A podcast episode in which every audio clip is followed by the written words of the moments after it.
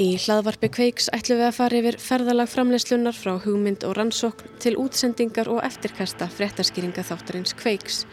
Við skipnumst á bakvið tjöld fréttamennskunar með þáttagerðamönnum þáttarvikunar og fáum að vita meira.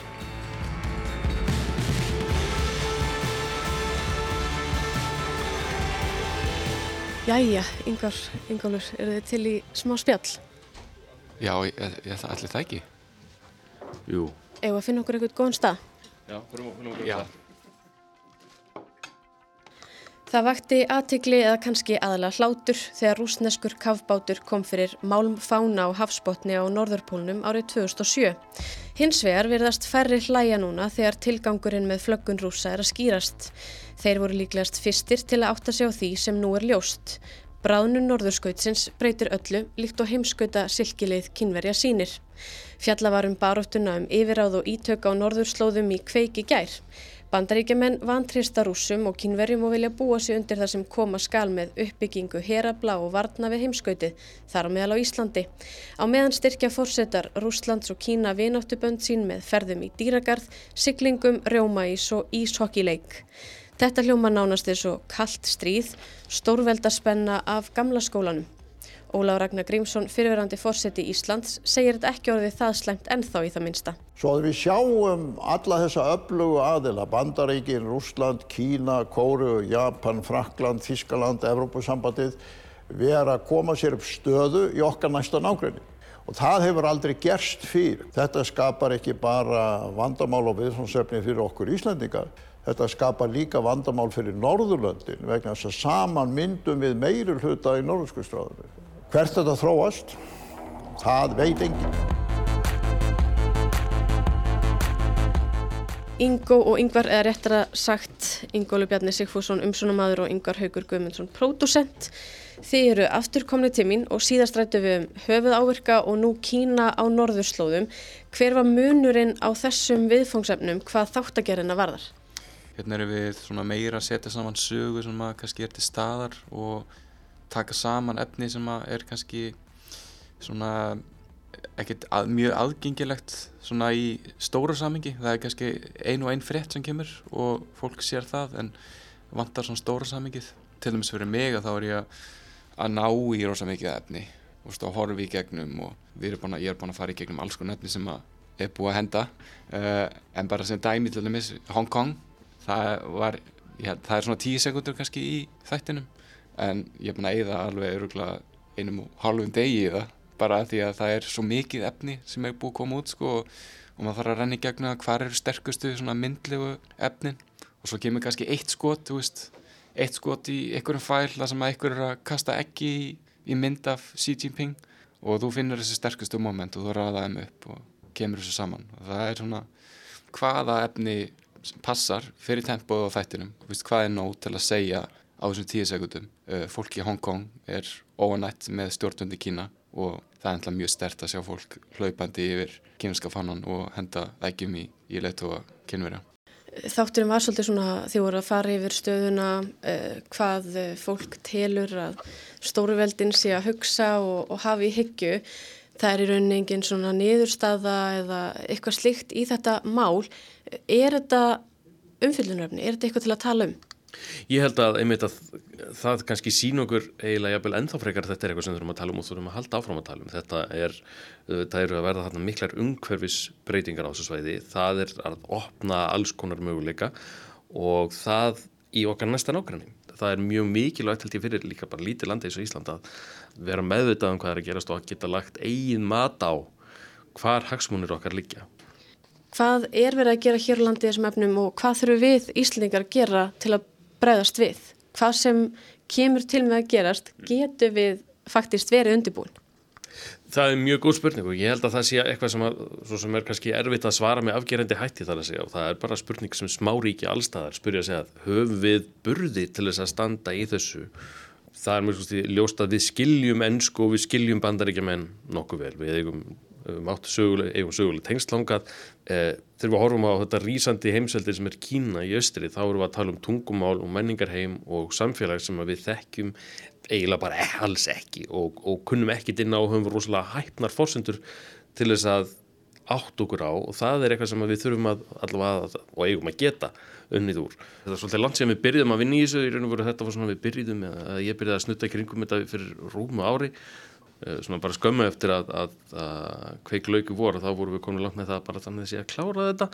En þá, fór, þá allt í hennu hóst einhver atbúrðar ás, þá breytist fórsendurnar, þá fóru amerikanar allt í hennu að færa svo på skaftið og uh, breyttu öllu í raun og veru, eða kannski ekki öllu en slatta miklu fyrir okkur og, og hérna á meðan það var ekkert sérlega flókið að fá miðumalendur eða fólk til þess að tala um þetta fyrir ári þá núna var eiginlega bara ekki nokkuð leið að fá fólk til þess að segja neitt uh, en það er greinlegt að þessi svona aukna spenna hafi greinlega hlaupið í vísendarsamfélagið og allir voru hrættur um að segja eitthvað sem að væri vittlust eða kæmiði milla.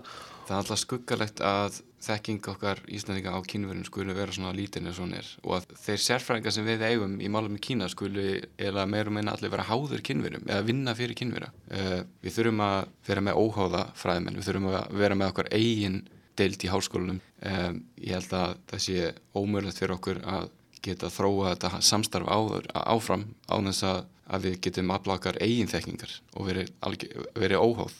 Stofnunin sem er stæðst í þessu háskóla Íslands er Konfúsíusarstofnunin. Eh, það er stofnun sem að kínverk stjórnvöld, svona sambæðilega stofnunir eru eða hafa verið við háskóla út um allan heim. Víða er verið að íta þeim út úr háskólanu vegna þess að mönnu þykir heldur óhefilegt hversu langt kynverar seilast uh, í því að stjórnastofnunni sem þeir hafa náttúrulega styrkja fjárháslega eða reka með einhverjum hætti. En áhrif kynverja uh, eru þar almennt tölverð það er svona talaðum að í konfúsjúsastofnunum nefnir ekki TN3, Tiananmen Tíbet og Tæwan það sé ekki, ekki minnsalt og þegar við vorum að tala eða ég var að tala við þá Íslendingar sem hafa verið að skoða Kína sem fræðimenn þá er það þannig að auðvitað er aðgangur þeirra að Kína háður því að þeir séu ekki í ónáðinni og það fór ekki á milli mála að mm, dágóður hluti þeirra hafði áhyggjur af því að koma í viðtal og segja eitthvað sem að gæti bara uh, gert þeirra rannsóknir eða störf flókin Já um, með kannski þessa umfjöldun og aðrar umfjöldunir sem þið hafið verið að fást við eru þið einhvern tíman hrættir við að rugga bátnum? Nei, alls ekki. Nei, Nei. Nei bara aldrei. Stutt og hneitin að svara við því.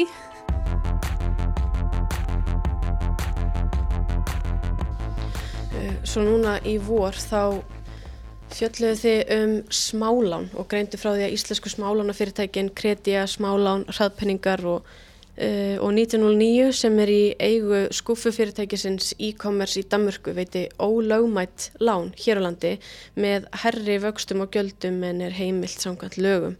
Uh, síðan að þið sagt, fjölluðum þetta efni þá hefur ímislegt gerst. Ráþeira neytindamála ætlar að stöðva starfsemi smálána fyrirtækja sem... Þrátt fyrir að árlegur kostnæðar neytindalána megi ekki nema meira en 50%. Komið sæl. Stjórnvaf er samþygt í kvöld að sker upp herur gegn smálána og innhemtu fyrirtækjum. Frumvarp til laga um smálána fyrirtæki gengur alls ekki nógu langt. Kredja grúp sem hefur undanfærin árvitt smálán sem fara í báa við íslensku lög hefur nú lækkað vexti sína. Hvað finnst ykkur um framvinduna í þessum málum? Heldur þið að þetta myndi gerast og þá svona hrætt? Uh, já og nei. Í sjálf og sér hafðu margir fjölmjölar farið svona eitthvað áleiðis í því sem við gerðum í þessum kveikstætti. Uh, þarna held ég að við höfum ekki síst búið við það lúksus að hafa halvan mánuð sem er ekki íkja mikil tími til þess að gera saman státt reyndar en það er kannski aðeins meiri tími en margar aðra rannsóknir og komast aðeins lengra og, og gátum sínt með meira afgerandi hættin gert að það verið uh, hvernig þarna er í pótin búið. Um, það að það er því svona einhver, einhver viðbröði því kom ekki endilega óvart, þau voru kannski meiri svona fyrstum sinni í bjóstuðið en að því að að spila allt þetta sem að hérna, það er fréttir sem hafa borist þá er samt alveg að þetta spyrja sig og hvað gerðist svo, gerðist eitthvað svo? Já, jú, þessi fyrirtæki ákvaða að, að draga í land og reyna ekki að, að rökka fólkum vexti eða neytendarsamtökin standa í málarekstri sem við höfum eftir að sjá hverju skilar. Uh, yfirvöld ætluðu að setja strángara lög og, lögðu fram frumvarp núna bara fyrir skömmu sem að mér sínist að ég, ég, ég sá í fljótu bara ekki að það, það, það breytti neinu efnislega. Þannig að maður svo sem alveg spurja sig miður við allt sem gerðist, gerðist eitthvað? Það er aðtilsvægt að í Danmörku þar sem að einmitt, þessi umfjöldun okkar varð að uh, var tekin upp og, og, og var tölvert ábyrjandi að þar voru strax dönum þótti afar vandræðilegt að íslensk fyrirtæki eða fyrirtæki sem að reikin hefur verið á Íslandi og væru með viðskipti á Íslandi hefði ákveðið að flytja setur sitt til Danmörku vegna þess að þau kæmustu upp með eitthvað sem væri ekki leift á Íslandi. Og þetta var að til þess að þeir skertu á sínum reglum um hvað væri leifilegt að rukka. Þeir sérst hertu sína reglur um smálana fyrirtæki út af því sem að við vorum að fjallum og því sem fara að gerast á Íslandi. Kannski eh, að meira marki en gerist hér ímislegt gekk á, er það ekki við uh, vinslu þessar þáttar? Um, já, ég veit ekki, kannski reyndin aðalega bara á svona þólmörk uh, okkar samband, mín svo vingu um, að koma þessi koma þessi saman og þetta var kannski ekki svona mm, myndlega mest áhugaverðasta efni sem við höfum tekið að okkur. Okkur vantaði eitthvað myndefni af höfustöðum þessa fyrirtækis. Þannig að ég var í London og var með litla vel með mér og og ég var mætti á Canary Wharf sem er svona, svona IKEA Wall Street hérna London borgar. Og hérna mætti bara eins og ég var kom fyrir bara í minni öllapessu með, með gölu húfu og hérna stakksóldi stú við bláu jakkaföttin og svartubindin sem voru, voru hérna alls ráðandi uh, ég mætti hérna inn í lobby hjá Citibank sem er með svona skúfi fyrirtækja aðstöðu og ætla að taka myndir af, af skiltinu sem að var með nafni fyrirtækisins. Og ég sá það bara strax að það myndi verða mjög erfitt því að það voru bara, það voru svona 15 manns aðna í mótökunni sem að tóku strax eftir mér. Þannig að ég reyndi, ég reyndi svona að hugsa hvar geti komið fyrir þannig geti nú mynda allan að þetta skildi sko þannig að stað. Ég endaði á því að, að fara fyrir utan og þá mikið af öryggisverðum hana og og reyndi að taka bara skot í gegnum gluggan sem ég gerði og svo flýtti ég mig bara og lappaði bara að lesta stöðunni sem hann að stutt frá en uh, ég var svo mikið að flýta mér að ég hafi, ég hafi ítt semst á að rekk þegar ég lappaði byrtu þannig að það var ekkert að þessu skoti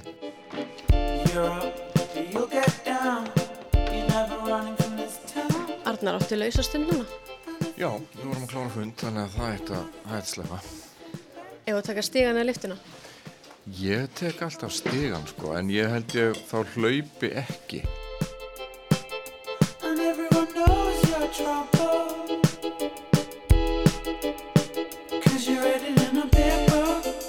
Þú fylgdir eftir Sveini Kjartansinni, já ég kannski bara byrja á að kynna þig svo að það gleymist ekki.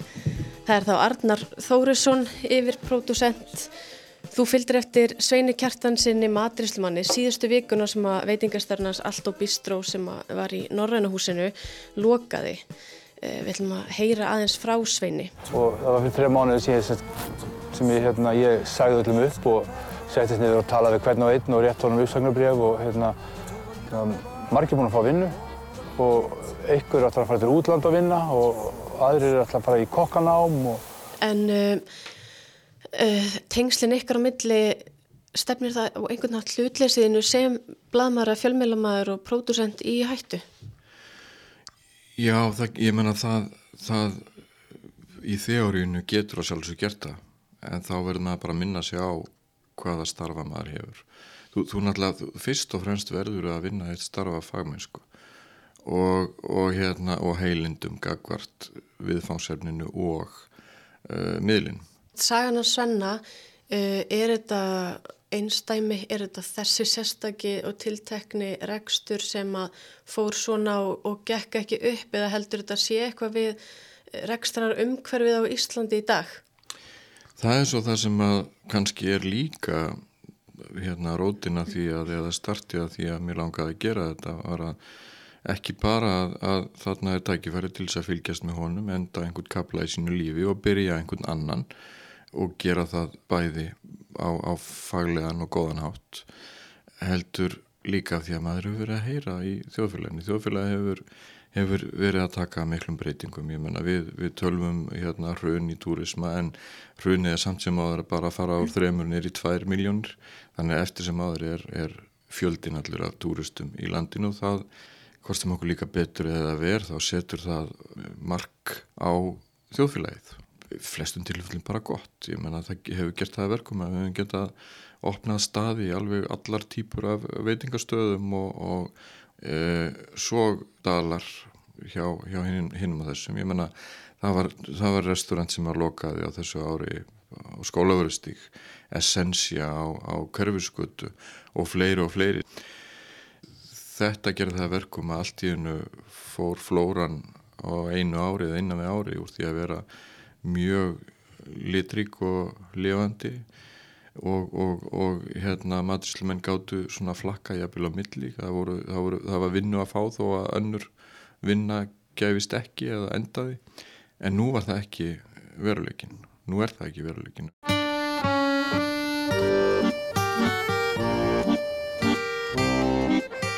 og það er eins og sé fórsendurnar fyrir einirkja veitingahús séu svona brostnar einhver leiti, það er ekki hérna það er einhvern veginn engin hagraðingar möguleikar og svo stjórna margir milliliðar í, í ferðarbransanum stjórna hvað veitingahús eru nótuð og hvernig þau eru nótuð og annað slíkt.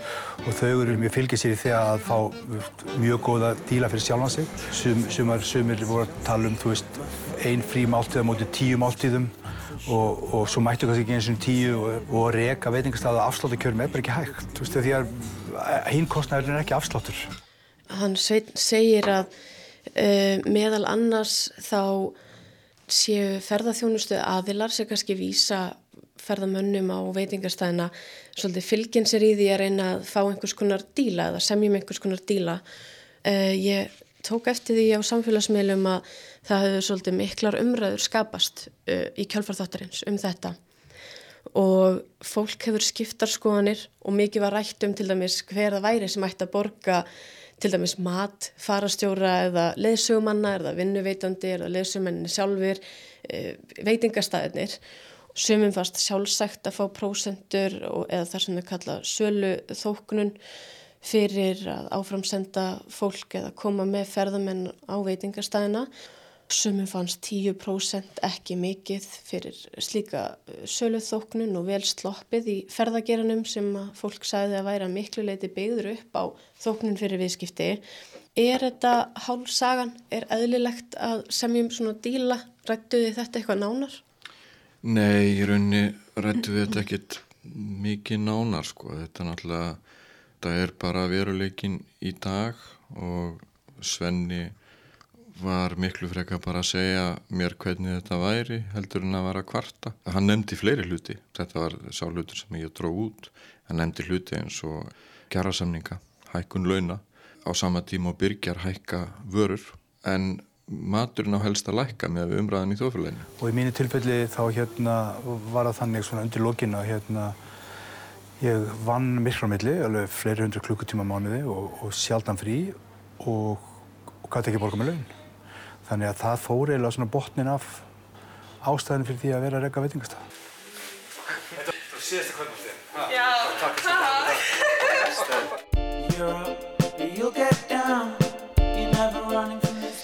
Nú er þetta kannski svolítið svona óhefbundi einsla fyrir kveik að þessu leiti.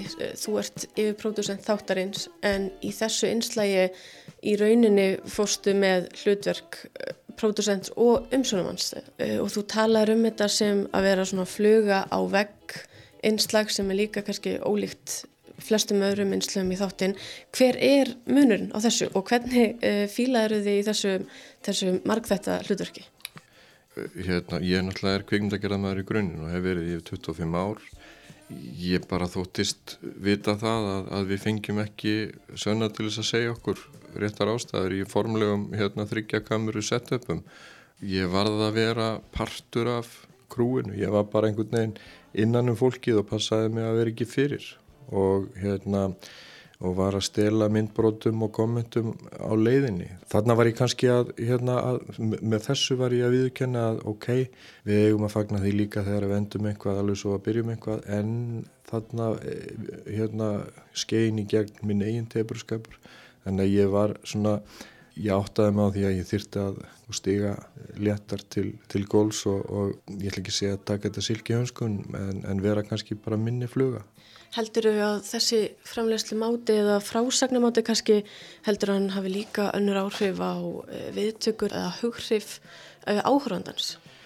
Öruglega. Þannig þess, þessu tilfelli er ekki einu sinni að tala yfir. Þau segja bara söguna sjálf og þar með verður þetta kannski fyrir áhörðandan raunverulegra.